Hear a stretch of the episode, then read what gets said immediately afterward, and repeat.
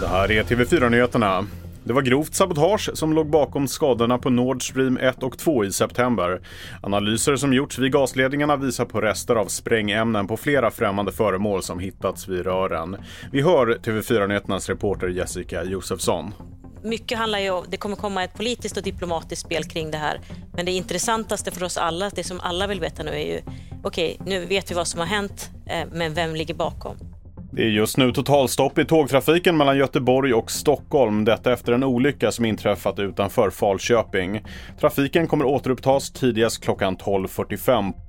Rekordmånga bostäder ligger just nu ute till salu och de ligger ute allt längre tid visar en genomgång av sajten Booli. Antalet dagar har nära fördubblats på ett år. En villa ligger i snitt ute till försäljning i 35 dagar och en lägenhet i 31 dagar. SMHI varnar för snöfall längs ostkusten imorgon lördag. Från Stockholm ner till Kalmar och även över Öland och Gotland är det gul varning som gäller. Och för norra delen av Kalmar läns kust är det orange varning, vilket är en högre nivå. Där kan det komma drygt 20 cm snö under lördagen. Vi hör TV4s meteorolog Linda Eriksson. Nu blir det en rejäl omläggning. Det är ju kallare luft som har börjat strömma söderut över landet. Eh, och nu till helgen då så väntas också stora snömängder på en del håll i söder. Eh, och redan under fredagen så har vi en del, till att börja med, både regnskurar och snöbyar som drar in i Östersjölandskapen, bland annat då med den här friska nordostliga vinden som vi har.